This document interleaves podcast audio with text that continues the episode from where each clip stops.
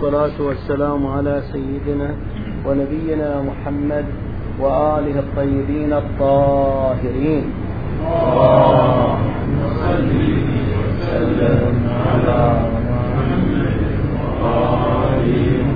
واللعن الدائم والعذاب الأليم على أعدائهم أجمعين من الأولين والآخرين إلى قيام يوم الدين. اللهم صل على محمد وآل محمد. بالأمس يعني في الليلة الماضية كان حديثنا وبحثنا عن العلامات علامات ظهور الإمام سلام الله عليه. وقلنا بأن منها ما هو حتمي ومنها ما هو ليس بحتمي ومثلنا للحتمي بالخمس العلامات الأساسية الصيحة في شهر رمضان واليماني والسفياني والخسف بالبيداء وقتل النفس الزكية الذي يكون في سنة الظهور في ليلة 25 ذي الحجة. بقيت نقطة. نعم ما هو حكم تعلم العلامات؟ ما هو حكم تعلم العلامات؟ لا شك ولا ريب أنه يستحب للإنسان أن يتعرف على العلامات. وأفتى بعض العلماء من القدامى بالوجوب. وكان دليله يقول لأن عصر الظهور سيكون عصرا مملوءا بالفتن فقد يلتبس الحق على المؤمن. نعم؟ والطريقة نعم لرفع الالتباس هو تعلم العلامات إذا كان عارفا بالعلامات فأي دعوة مهدوية؟ نعم لا تنطبق عليها العلامات سوف تنكشف نعم. مثلا من العلامات أن الإمام المهدي صلوات الله وسلامه عليه يخرج شابا كأن عمره أربعون سنة أو أقل. مع أنه الآن عمره فوق الأربع فوق الألف ألف. ومية وكذا يخرج شابا يعني لو خرج شخص فيه شعر بيضاء. وقال أنا الحجة ولا كذاب الحجة سيخرج شابا ومن العلامات يقول الإمام رضا عليه السلام أن الإمام الحجة لا يحرم بمرور السنين. مهما عاش سبع سنوات أو ثلاثمائة سنة لا يصيبه يموت كما بعث. شابا ومن العلامات أنه يجيب على كل سؤال لا يعجز ما يقول لا أعرف أو أبحث أو أتروى يجيب على آه، كل سؤال صلوات الله وسلامه عليه. نعم. وهكذا. فإذا بعضهم يقول يجب على المكلف يجب. أن يتعرف على العلامات حتى لا يحصل عنده شنو؟ التباس. وذكرنا أنه لا يجوز التوقيت. التوقيت لا يجوز. نهينا عن التوقيت. هذا تقريبا ملخص ما ذكرناه البارحة. هذه الليلة سنركز على أمرين. الأمر الثاني آه، ما هي الحالة التي ينبغي أن يكون عليها المكلف في حال الغيبة؟ أو كيف نتفاعل مع الإمام أو كيف نقوي ارتباطنا بالإمام سلام الله عليه والأمر الثاني نعم كأنه جواب على سؤال. يقول السؤال ذكرتم يعني أنا ذكرت في الليلة الماضية أن أنه لا معصوم إلا أهل البيت. سلام الله عليهم. وأن الانحراف يمكن أن يبتلي به العالم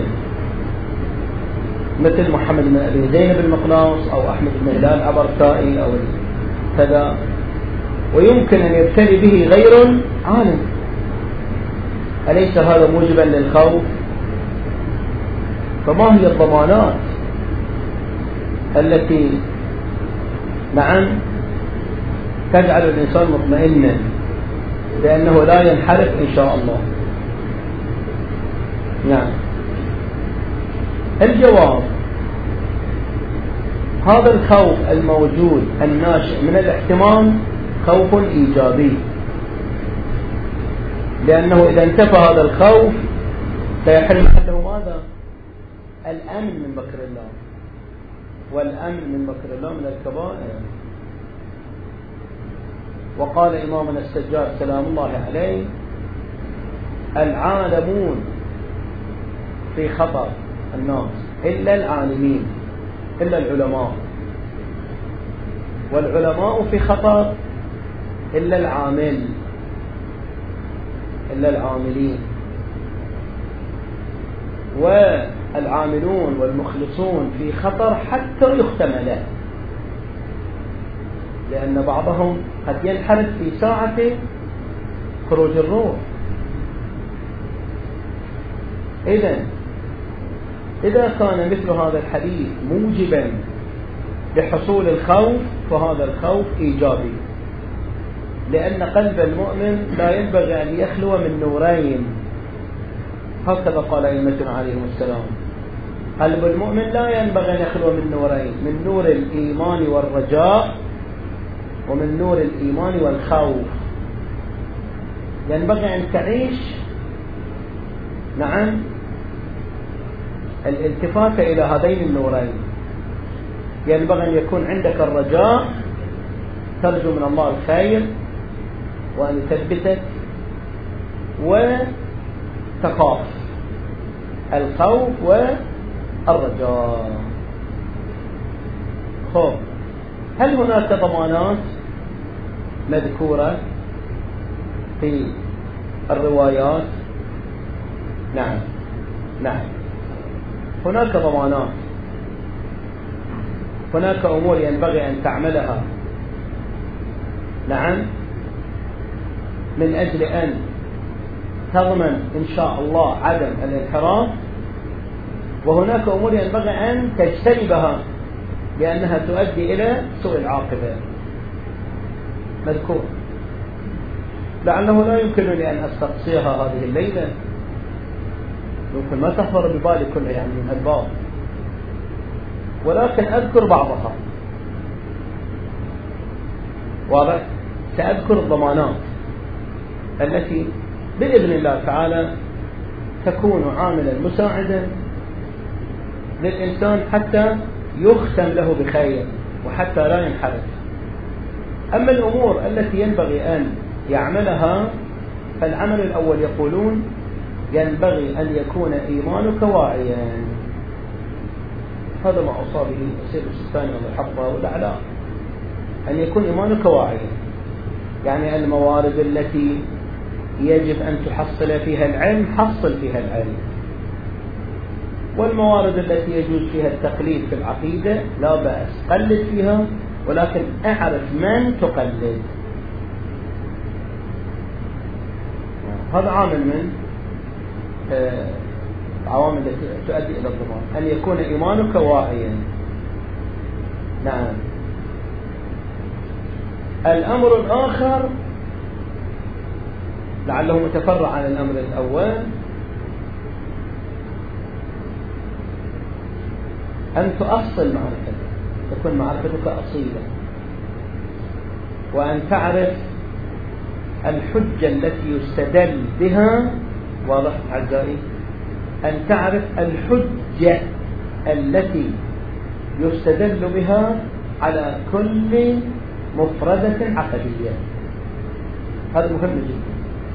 فمثلا حينما أعتقد بأن الله واحد لا شريك له ما هو دليلي؟ العقل. دلني على أنه موجود ودلني على أنه واحد ودلني على أنه غير مرتب. إذا العقل. إذا العقل حجة وكما أشرنا سابقا ينبغي أن نعرف أن العقل حجة في القضايا الواضحة الأولية. فلا ينبغي أن ألغي دور العاقل ولا ينبغي أن أبالغ في العاقل أو أحكم عقلي لأعترض على حكم فرعي في الشريعة المقدسة أو على أمور أخرى ليست نعم من استحقاقات العقل أن يدخل فيها. لأن الإمام الصادق عليه السلام قال إن دين الله لا يصاب بالعقول أكثر من مئة رواية. فإذا هذا مهم جدا. أن أعرف المعتقد وأعرف دليل على المعتقد. دليل وين؟ على هذا. حينما أسألك لماذا صليت الليلة تماما؟ قل نعم صليت تماما لأني مثلا ناوي إقامة أو لأن الدمام وطني. دليله لأن المرجع قال. مو لأن العقل؟ لا العقل ما يشتغل. صلاة قصر أو تمام المرجع يكون يقول. المرجع.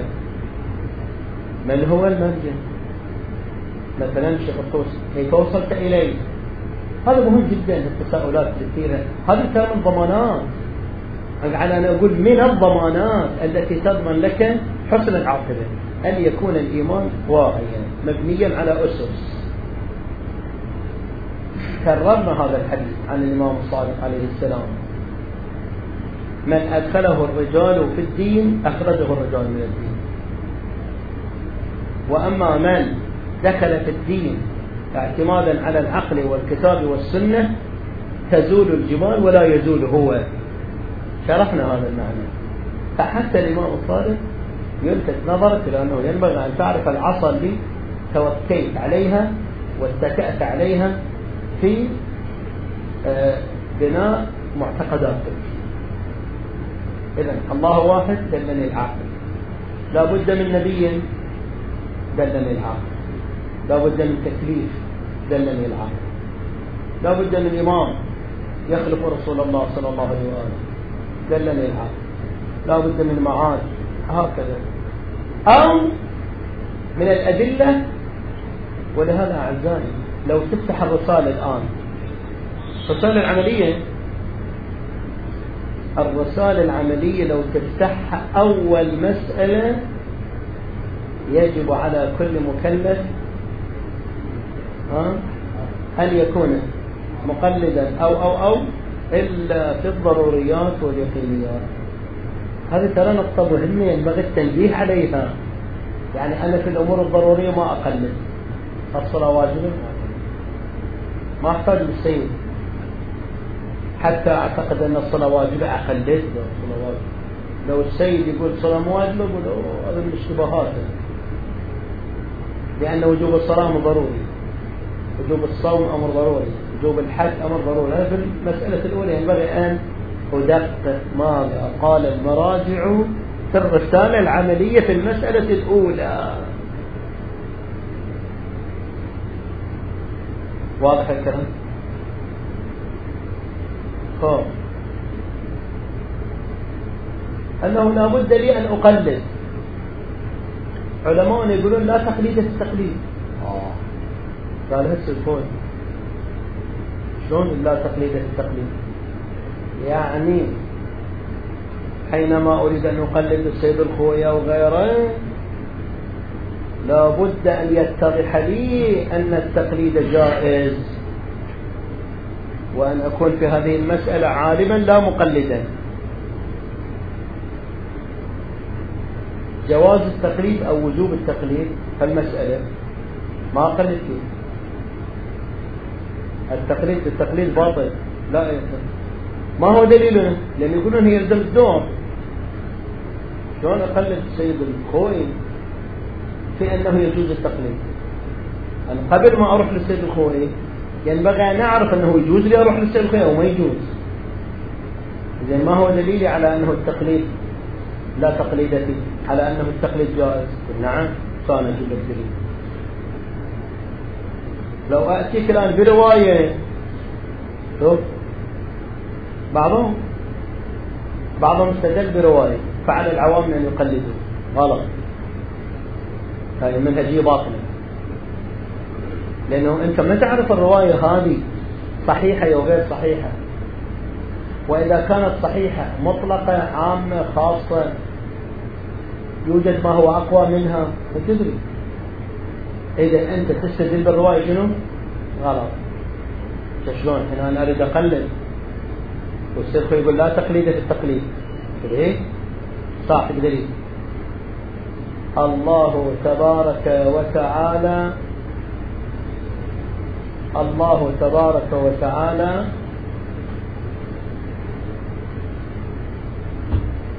خلقني وكلفني. هذه القضية معلومة ولا هذه القضية معلومة. لأن إحنا قلنا نعيد نعيد نص فقرة من كلامنا أول مسألة في الرسالة العملية مكتوب يجب على كل مكلف أن يكون مش آه، إما مجتهدا أو محتاطا أو مقلدا أو إلا في القضايا اليقينية. يعني القضايا اليقينية والقضايا الضرورية ليست موردا شنو؟ للتقليد أعطيتك مثال الصلاة واجبة. هذا شنو؟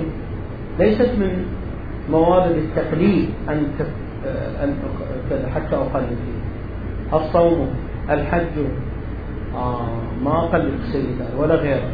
ليش ما أقلد لأن أدري أنا عالم والعالم ما يقلد في المسألة التي هو فيها عالم ما يقلد زين فنجي إلى مسألة التقليد.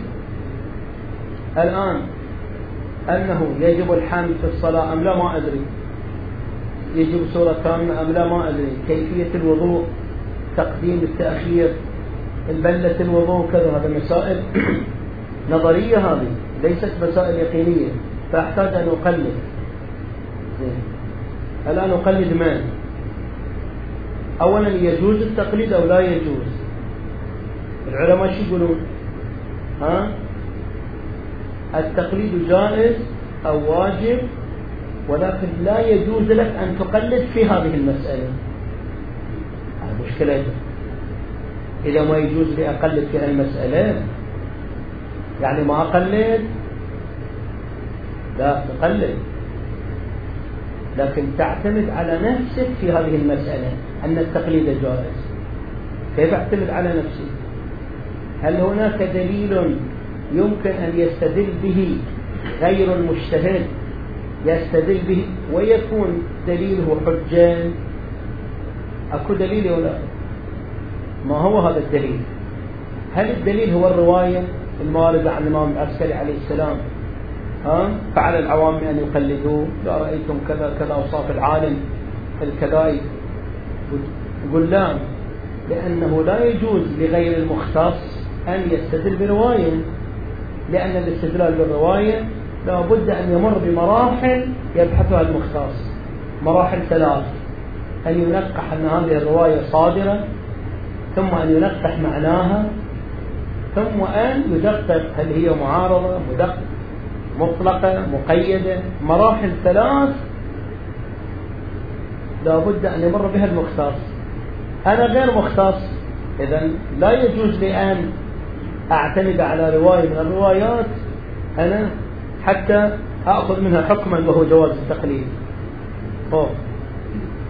والأعلام يجمعون لا تقليد في التقليد. أسوي؟ آه. نقول نعم هناك دليل آخر غير الرواية يمكنك أن تستند إليه وتقلد وهو شلون أقول أمامكم شوفوا عدل ولا لأن أنا أقول هذا الدليل سأطرحه والكل يدركه. إيش أقول بسم الله الرحمن الرحيم. أنا الآن مكلف أم لا؟ مكلف. كوني مكلف. قضية مشكوكة ومعلومة. معلومة. كل الأمة تقول بعث النبي صلى الله عليه وآله وعنده أحكام. القرآن مملوء أحكام. أقيموا الصلاة آتوا الزكاة أحكام. أنا مكلف. زين. لابد النقطة الثانية لابد أن أمتثل التكاليف. ذمتي مشغولة. هذا قضية واقع ومواقع. لابد. زين. امتثال التكاليف يتوقف على أن أعلم بها. أعلم بها. أطرح سؤال. هل يمكن أن أعلم بالتكاليف؟ لا. أقدر أعلم بالضروريات. الصلاة واجبة الصوم واجب الحج واجب الخمس واجب. العناوين العامة في الشريعة أعلم بها. ولكن التفاصيل ما أعلم بها. زين. زين زين زين قاعد أتمشى وياك الآن. التفاصيل التي أنا لا أعلم بها كيف أمتثلها؟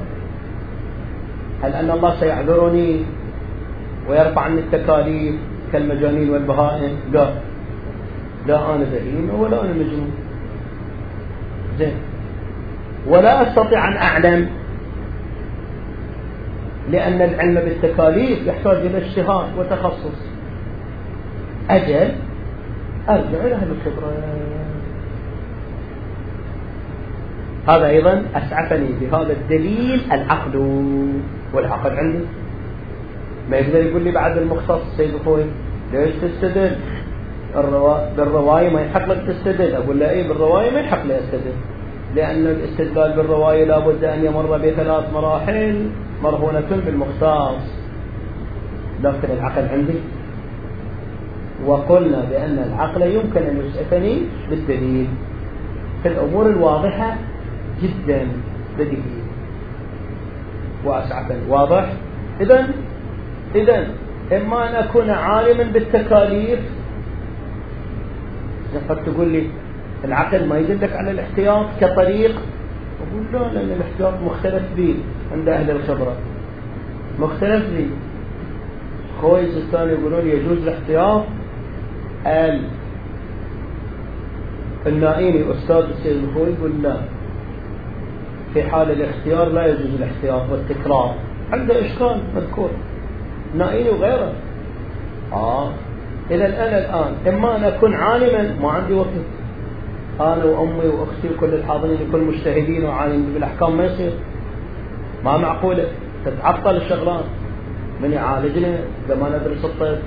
ومن يخبز لنا ومن يبني لنا ومن يخيط ثيابنا. مو معقولة قاطعان قاطعان. إن الله لم يكلفنا بأن نكون مجتهدين كلنا خلاص فيكون الاجتهاد واجبا كفائيا تخصص. ومن لم يجتهد يجب عليه عقلا أن يقلد. وما عنده طريق آخر. لأن إذا ما يقلد خلاص شو يسوي؟ احتاط ما يصير. يرفع يده عن التكاليف ما يصير. لأنه لا لا مجنون ولا بهيمة شوف هذا دليل أسعدته إذا أنا الحين في النقطة الأولى. النقطة الأولى وهي بما أن الانحراف يمكن أن يصيب العالم وغير العالم كما شرحنا البارحة. فما هي الضمانات اللي تضمن لي أن لا أنحرف؟ الضمانات كثيرة منها هذه النقطة الأولى. أن أعرف الأدلة على كل معتقد. عدم معرفة الدليل على كل معتقد ها؟ عدم المعرفة والجهل بالأدلة بل والجهل برتب الأدلة ها؟ آه، عامل مساعد على الانحراف هذه نقطة مهمة ها؟ عامل مساعد على الانحراف واضح الكلام؟ أعطيك مثال ها؟ مثلا نشأت فرقة وانحرفت اعتمدت على ماذا؟ على الرؤية. الرؤية. بل رأينا في المنام أن فلان حجة أن فلان وكيل خاص للإمام. رأينا. واعتمد. إحنا نسألهم سؤال. نسألهم سؤال. أنتم عبيد لله أو لأهوائكم؟ أنا عبيد لله. أنا سألتم الله جعل لكم العقل حجة جزما بالاتفاق العقل حجة. به عبد الله. به عرف الله. سؤال. هل أن الله جعل الرؤيا لكم حجة؟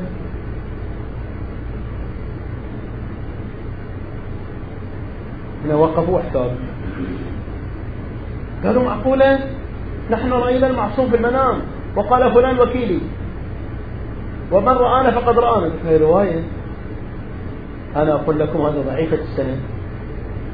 ولو كانت صحيحة السند فلا بد أن تمر بالمراحل الثلاث وهي مختصة بال مختص وأنتم غيره مختصين فإذا لا يجوز لكم الاستدلال بالرؤية. وعندنا روايات صحيحة السند تقول بأن دين الله أعز من أن تكون مصدره الرؤية. لاحظ؟ لاحظ؟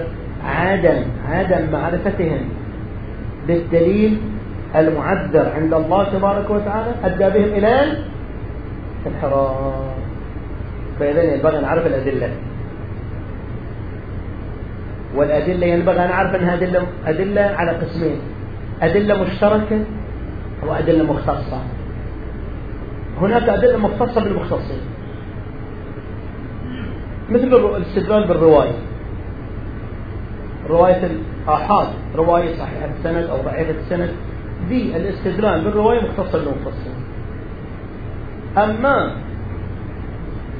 الاستدلال بالروايات الكثيرة التي هي متواترة. هذا مو مختص بالمختصين. نعم مو مختص بالمختصين. ولهذا أنا أعلم أن الصلاة واجبة الآن. من قال لك؟ السيد خوئي؟ لا متواتر عن رسول الله صلى الله عليه وآله. متواتر أن الصلاة واجبة. كل المسلمين يقولون.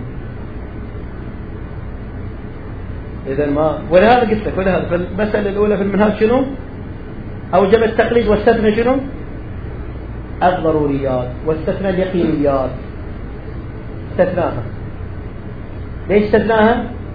لأن اليقينيات دليلها دليل مختص بالمختصين أو دليلها مشترك. ها؟ مشترك. هذا الكتبتم دليلها مشترك. السيد هو يستدل بالتواتر؟ أنا أنا أستدل بالتواتر. أن النبي صلى الله عليه وسلم قال من كنت مولاه فهذا علي المولى. هذا الحديث الغدير هذا متواتر. من يقول متواتر وافتح الجزء الأول من الغدير. خلاص داخل 116 صحابي يقولون أنهم سمعوا من رسول الله. ثم الذي الجيل الذي بعدهم. صار 360 نقلوا وهكذا وهكذا وهكذا. تواتر نقل هذا الحديث عن رسول الله صلى الله عليه وسلم طبقة عن بإمكانك أن تطلع. فإذا اطلعت ما تحتاج أنهم يقول والله علي الإمام لأن لأن السيد الخوي قال بأن النبي قال إني كنت فيكم الثقلين أو من كنت مولاه. ما يحتاج يقول السيد الخوي أنا بنفسي علمت بأن هذه الرواية متواترة والخبر المتواتر يفيد العلم ملخص النقطة يا أعزائي. من الضمانات اللي تضمن لك عدم الانحراف يعني كعامل مساعد طبعا مع العوامل الأخرى أن يكون إيمانك واعيا وأن تعرف الأدلة على كل معتقد وأن تعرف بعض الأعلام يضيف من الفقهاء والعقليين والفلاسفة وأن تعرف رتب الأدلة. كل دليل له رتبته بينت لكم. قول الإمام صادق حجة لا؟ حجة لكن هو قال لعن الله الضلال ويلهم. والله لو أمرناهم بأن يعبدون لما جاز لهم. آه. لما جاز لهم أن يعبدون ليش تقول هالشكل؟ إمام أفرض لو قلت ما يجوز لهم يقول لا ما يجوز لهم. لأن حجية قول الإمام الصادق في ضمن حجية قول الرسول. وحجية قول الرسول في ضمن حجية قول الله.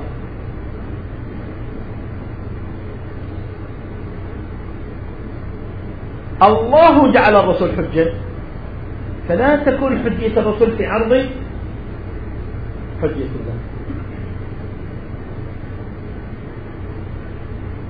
ولا تكون حجية أهل البيت في عرض حجية رسول الله صلى الله عليه وسلم. ولا تكون حجية أقوال العلماء في عرض حجية أئمة الأظهار. إذا هناك حجج سلام الله عليهم وهناك لهم رتب.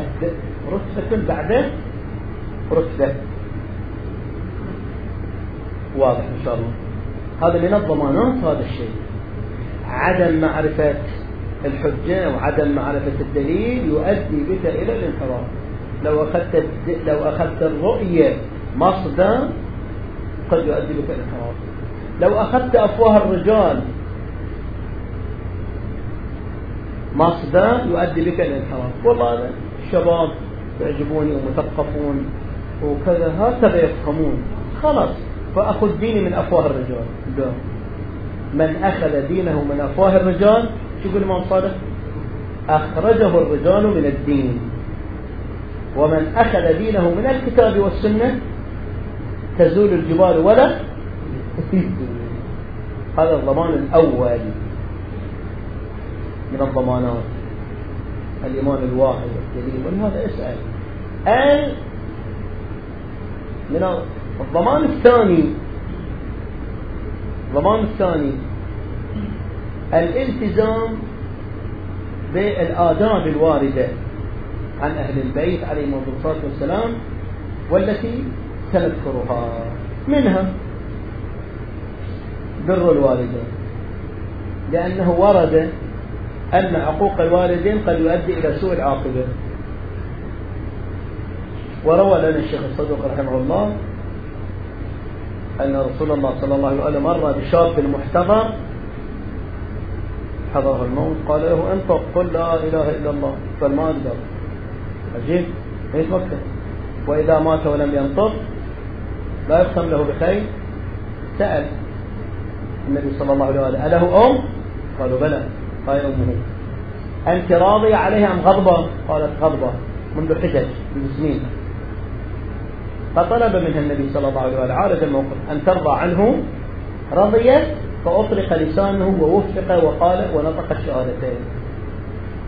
إذا عقوق الوالدين مانع.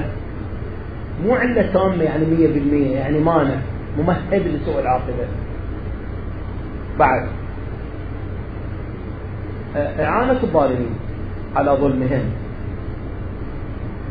استدل بعض علمائنا في بحث الخارج بقوله تعالى ولا تركنوا إلى الذين ظلموا فتمسكوا بالنار الركون إلى الظالم يتفرع عليه أن تمسكوا النار. فتمسكوا. طبعا هذا يحتاج الاختصاص اللي هو استكشاف استكشاف مراد الله تبارك وتعالى. هذا بعض المختصين. لا تركن فلا تنصر الظالم في ظلمه. كن لعين أو جاسوس أو غيره أو ما أدري شنو. تنصر الظالم في ظلمه هذا أيضا يؤدي إلى سوء عاقبة سجلوا بالله. نعم. أيضا من الأمور التي تؤدي إلى سوء العاقبة تكرار الإتيان بالكبائر. هذا ما وضحته لنا الصديق الحوراء زينب عليه السلام في خطبتها في الشام. ثم كان عاقبة الذين أساءوا السوء أن كذبوا بآيات تكذيب يعني في أصول الدين. كان عاقبة الذين أساءوا السوء. فالإنسان إذا عمل الكبيرة أعوذ بالله. ما هي الكبيرة؟ الذنب الذي ذكره الله وتوعد عليه. مذكور في المنهاج الصالحين. الكبائر. اقرأها. الغيبة أكل الكذا مال حبس الحقوق اليمين الغموس. بل الكبائر زنا لواط منصوص عليها وتوعد الله عليها بالعذاب. حبس الحقوق للناس أو للأئمة الأطهار خمس زكاة غير كبائر. الإصرار على الكبائر والمداومة عليها. الإصرار والمداومة يؤدي إلى زعزعة الثوابت. زعزعة اليقين بالثوابت. إذا تزعزع اليقين بالثوابت هذا هو هذا هو الانحراف لماذا؟ لأن الثوابت يجب فيها تحصيل اليقين أن تعلم أن الله واحد عادل لا شريك له كذا النبوة الإمامة العصمة واضح الكلام؟ إذا إتيان الكبائر والاستمرار عليها يعني الإصرار العملي يؤدي إلى زعزعة اليقين بال بالثوابت آه. هذا بعض الأمور الأمر الآخر الذي يؤدي بك إلى الثبات إن شاء الله الالتزام بآداب بالآداب التي ينبغي أن يكون عليها الموالي في حال الغيبة في حال الغيبة الكبرى من الآداب أن تعلم بأن الرابط بينك وبين الإمام المراجع. أن تأخذ المنهاج منهم والنور منهم لأنهم الواسطة المرضية. وأما الحوادث الواقعة فارجعوا فيها إلى رواة أحاديثنا فإنهم حجة عليكم وأنا حجة الله. فما أقره المراجع تقره وما أنكروه تنكره. نعم. ومن الآداب المذكورة من الآداب التي ينبغي أن يكون عليها المؤمن في عصر الغيبة الوفاء بالعهد للأئمة عليهم السلام. الوفاء بالعهد كيف يكون يكون الوفاء بالعهد لهم بالإكثار من ذكرهم وذكر فضائلهم ومقاماتهم وأخلاقهم وإظهار البراءة من أعدائهم. نعم الوفاء له أن تكون وفيا. نعم. فقد روي عن إمامنا الحجة عليه السلام قال ولو أن أشياعنا يعني الشيعة ولو أن أشياعنا وفقهم الله لطاعته على اجتماع من القلوب في الوفاء بالعهد عليهم لما تأخر عنهم اليمن بلقائنا ولتعجلت لهم السعادة بمشاهدتنا على حق المعرفة. وصدقها منهم بنا فما يحبسنا عنهم إلا ما يتصل بنا مما نكرهه ولا نؤثره منهم. والله المستعان وهو حسبنا ونعم الوكيل. من الأمور التي تعتبر من آداب المؤمن في حال الغيبة نعم أن يعلق ارتباطه بالإمام الحجة عليه السلام. كيف يعلق الإنسان ارتباطه بالإمام؟ سلام الله عليه.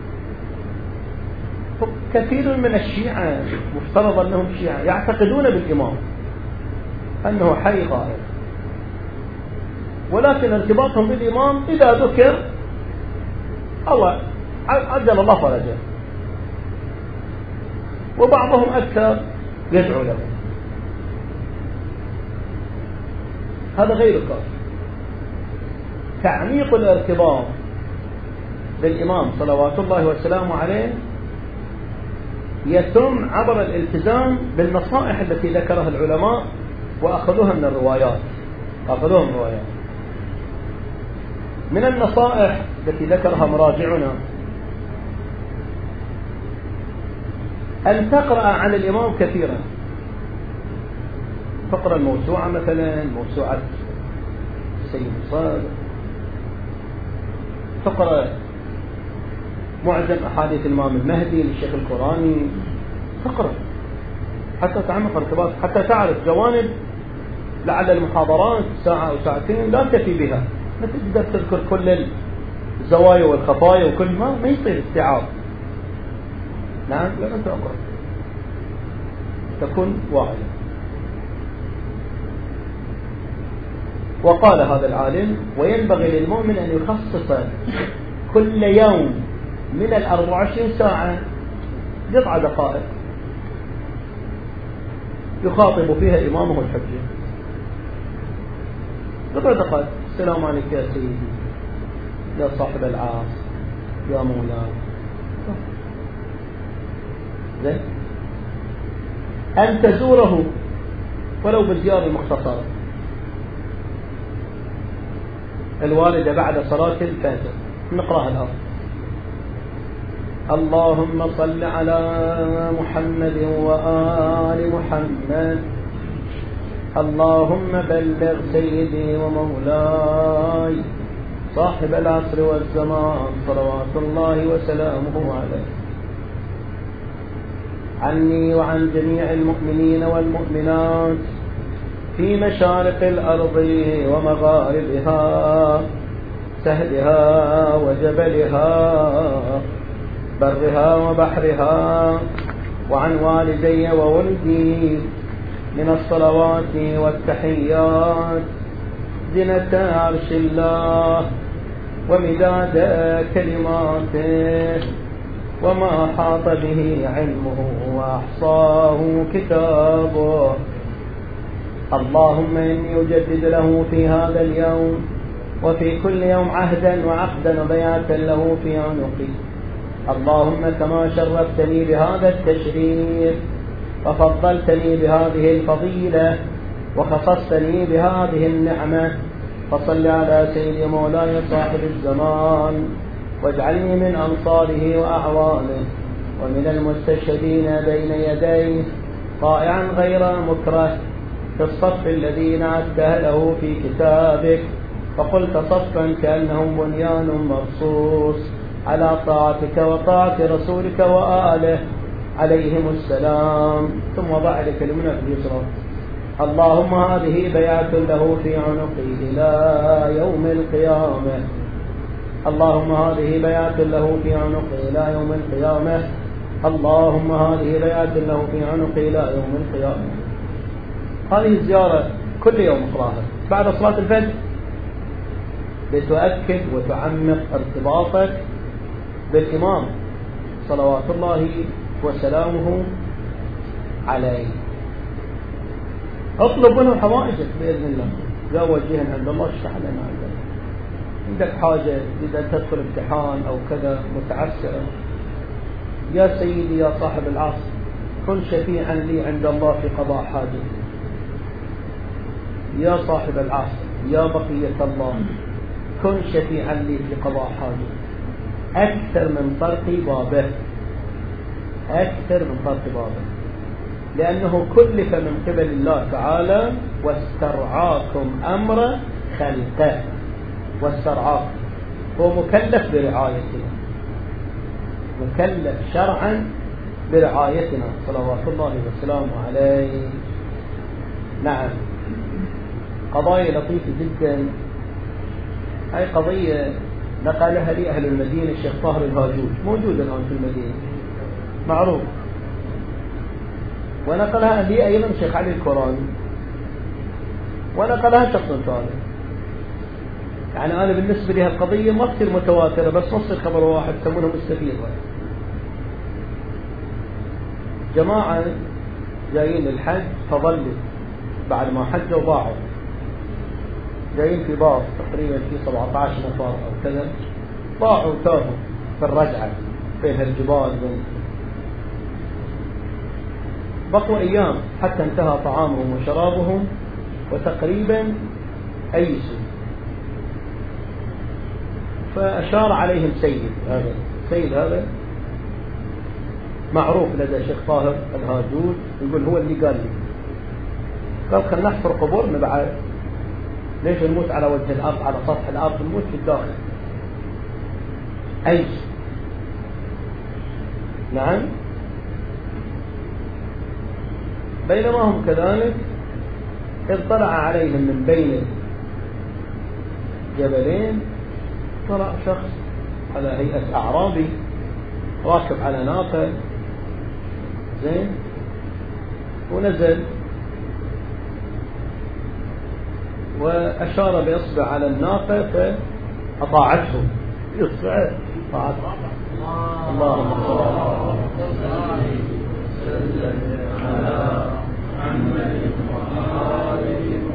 ثم قال وين الشيخ علي نمازي؟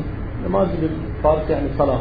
واحد اسمه الشيخ علي صلوات بالفارسي شيخ علي نمازي وين الشيخ علي نمازي استغرب. قال له نعم أنا الشيخ علي نمازي قال له إيش؟ قال له ضايعين. قال اوصف لك الطريق طريق كذا كذا كذا كذا كذا كذا. هاي بيموتون من الجوع والعطش. شيخ علي يقول ما عندي وقت بعد. أقول له لا. رحت أخذت القرآن الشرط. قلت له اقسم عليك بالقرآن هذا أن تركب ويانا بنزينها مخلص. قال أنا خذ فركب معهم. قال للسايق شغل. قال لي شغل فاشتغلت تصير اللهم صل على محمد. ومشى بين لهم. قال لهم سبب ضياعكم أنتم عندكم سائقان هذا وهذا. سبب ضياعكم هذا. هاي نقطة. ما التفتوا والنقطة الثانية نذرتم الآن إذا فرج عنكم أن تتصدقوا بكل أموالكم عنده مثل عشرة آلاف يصدق بها كلها. هذا النذر مو صحيح. لا وإنما ما بقي عندكم من المال تصرفونه إلى أن تصلوا. إلى بلادكم ثم تتصدقون بمقداره الآن عندك عشر آلاف وقد فرج عنك. أعرف المقدار. أنت عندك خمسة أنت عندك سبعة كل واحد يعرف المقدار. ويصرف على راحته. إذا وصل إلى بلاده كذا. وحتى مع الشيخ علي نمازي فقرتين لا شيخ طاهر الهاجوج يعرفها. ولكن نقل نقلها لأهل العلم وما أذنوا لي بنقلها. مو مشكلة. قضية خاصة مو حكم شرعي. حكم شرعي ممنوع النيابة الخاصة مقطوعة. بالضرورة ومن ادعاه فهو كاذب ضال منمس منحرف. لعنة الله عليه. زين. فشرح لهم بعض الأمور ثم قال لهم الآن وصلتم. هذا هو الطريق. وذاك ماء بإمكانكم أن تتوضأوا. قالوا له تفضل قال لا أنا على وضوء. توضأوا ورجعوا. قالوا له تفضل مشكور رحم الله والديك قال له هم عندي غيركم. أنا موكل بأمور كلية وجزئية زين؟ فغاب بشكل مفاجئ. فعرفوا أنه الإمام سلام الله عليه. فبكوا جميعا. بعض الأشخاص اللي مر عليهم قال لي قضية عامة لأنه لو كان واحد من هالمجموعة ميت أبوه ميت أخوه هو اللي يبكي والبقية شنو؟ يواسونه يعزونه اصبر. أما هؤلاء كلهم يكونوا بدرجة واحدة إذن هناك علة مشتركة.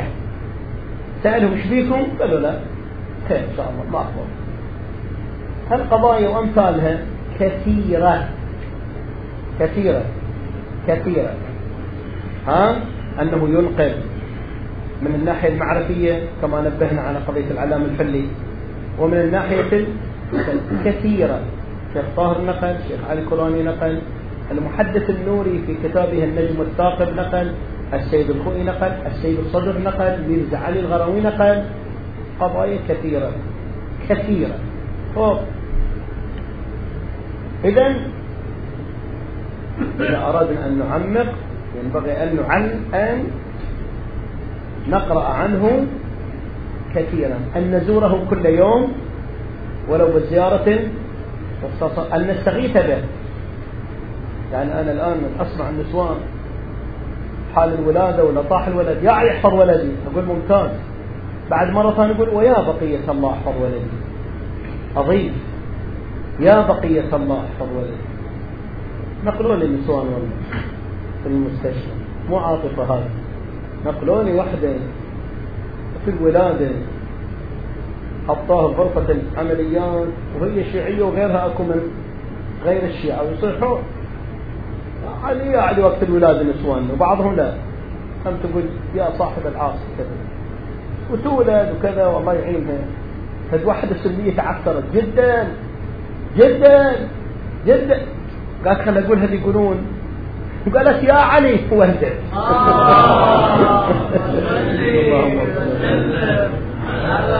محمد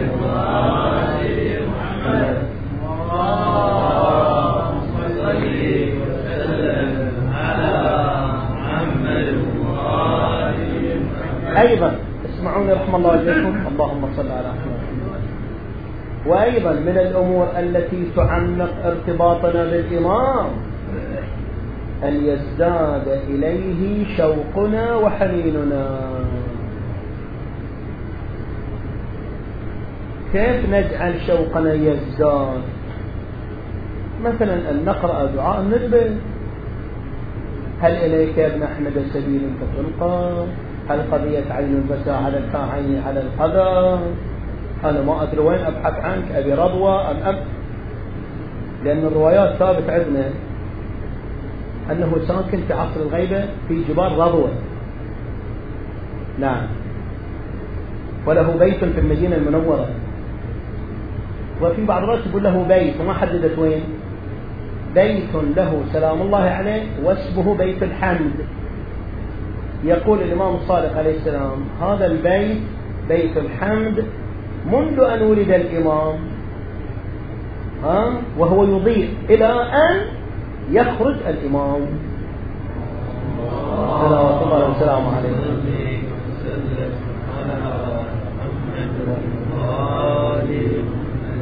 فهو موجود. وعنده بيت واسمه بيت الحمد. زين؟ فينبغي ولعل من مسؤولية الوالدين أن يخلقوا أو كذا الشوق في نفوس أولادهم لإمامهم الحجة. كيف يشتاقون إليه؟ نحن نحن مقصرون. إحنا عندنا الواحد إذا مات نقيم له فاتحة ثلاثة أيام أربعة وبعد سنة أقل سنتين ننساه خلاص الله يرحمه. لكن الضايع اللي ما مات ننساه ما ننساه. والمسجون ما ننساه. يبقى يبقى ولدنا أخونا ما ننسى هذا امامنا ما مات. حي غائب ينبغي أن ننهج بذكره شفت اليوم رواية في غيبة الشيخ الطوسي. غريبة جدا. مجموعة من كبار الشيعة نعم دخلوا على الإمام الصادق عليه السلام فرأوه في حالة في حالة من البكاء الشديد. نعم. والإظهار الحزن والتأسف على الإمام الحجة. سأقرأ عليكم الناس. استغربوا. الإمام يقول إلهي صدر قبل أن يولد الإمام. هذه الحالين ينبغي أن يكون علينا المؤمن. إلهي سيدي. الإمام الصادق يقول عن الإمام الحجة سيدي. لأنه وارد عندنا أن الإمام أفضل من الثمانين. الإمام الصادق يقول سيدي غيبتك نفت رقادي. الله أكبر. يعني ينبغي هكذا نحن نحن إلى الإمام. أن نكون بهذه الحالة. ما يكون ولدنا اللي ضايع أعاد أقرأ لك الرواية. رواها لنا الشيخ. روى لنا شيخنا الطوسي رحمه الله عن سدير الصيرفي.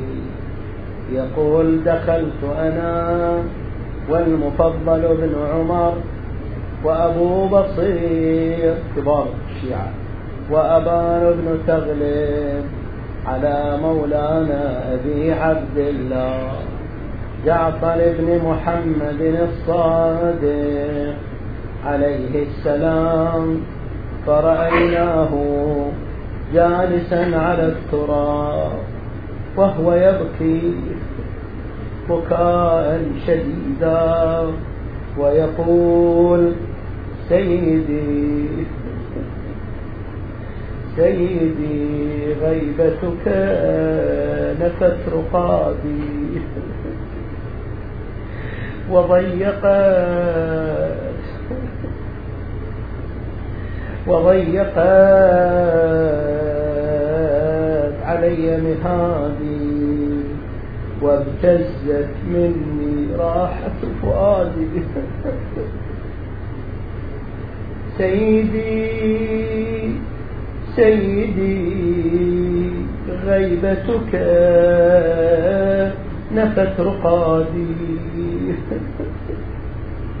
وضيقت علي مهادي وابتزت مني راحة فؤادي. سيدي غيبتك وصلت مصائبي بفجائع الأبد.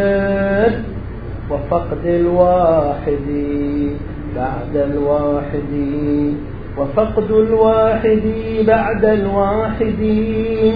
يفني الجمع والعدد فما أحس بدمعة ترقى من عيني وأليم يكثر من صدري.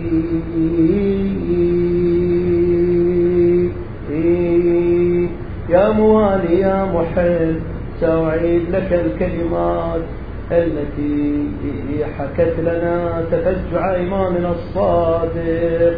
على ولده الإمام الحجة لأنه ينظر بعين الملكوت.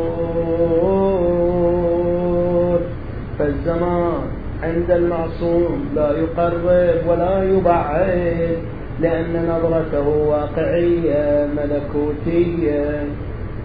يقول سدير سمعناه ويقول سيدي كن بها الحالة سيدي. غيبتك نفت رقادي. قولوها. سيدي. غيبتك نفت رقادي. سيدي. سيدي يا ابن الزهراء. يا ابن مكسرة الأرضاء سيدي. سيدي. سيدي غيبتك نفت رقادي وضيقت علي مهادي وضيقت علي مهادي سيدي غيبتك نفت رقادي وضيقت علي مهادي وابتزت مني راحة فؤادي. قولها بتفاعل. وابتزت مني راحة فؤادي. وابتزت مني راحة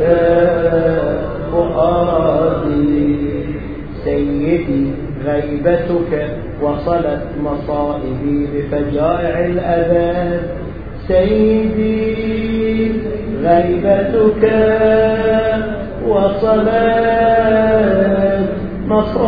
مصائبي بفجائع الأبد سيدي غيبتك